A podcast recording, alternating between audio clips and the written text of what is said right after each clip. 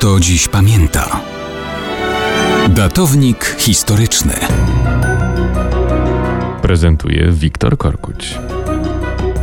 Mam nadzieję, że o świętym Mikołaju i prezentach dzisiaj wszyscy pamiętają.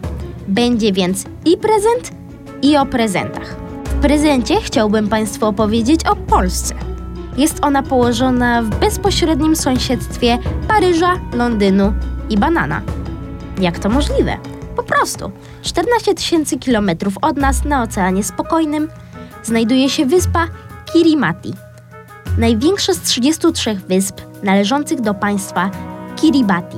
Jest też przy okazji największą wyspą koralową na świecie. Liczy 642 km2. Na jej zachodnim krańcu jest miejscowość Poland.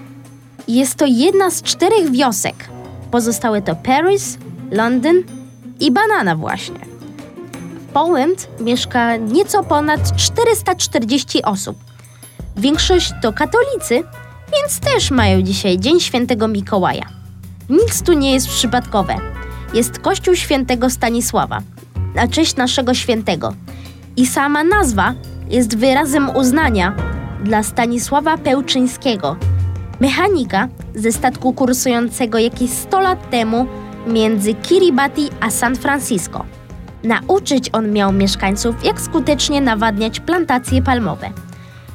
Nazwa jest wyrazem wdzięczności dla niego, podobnie jak patron świątyni. A teraz o prezentach.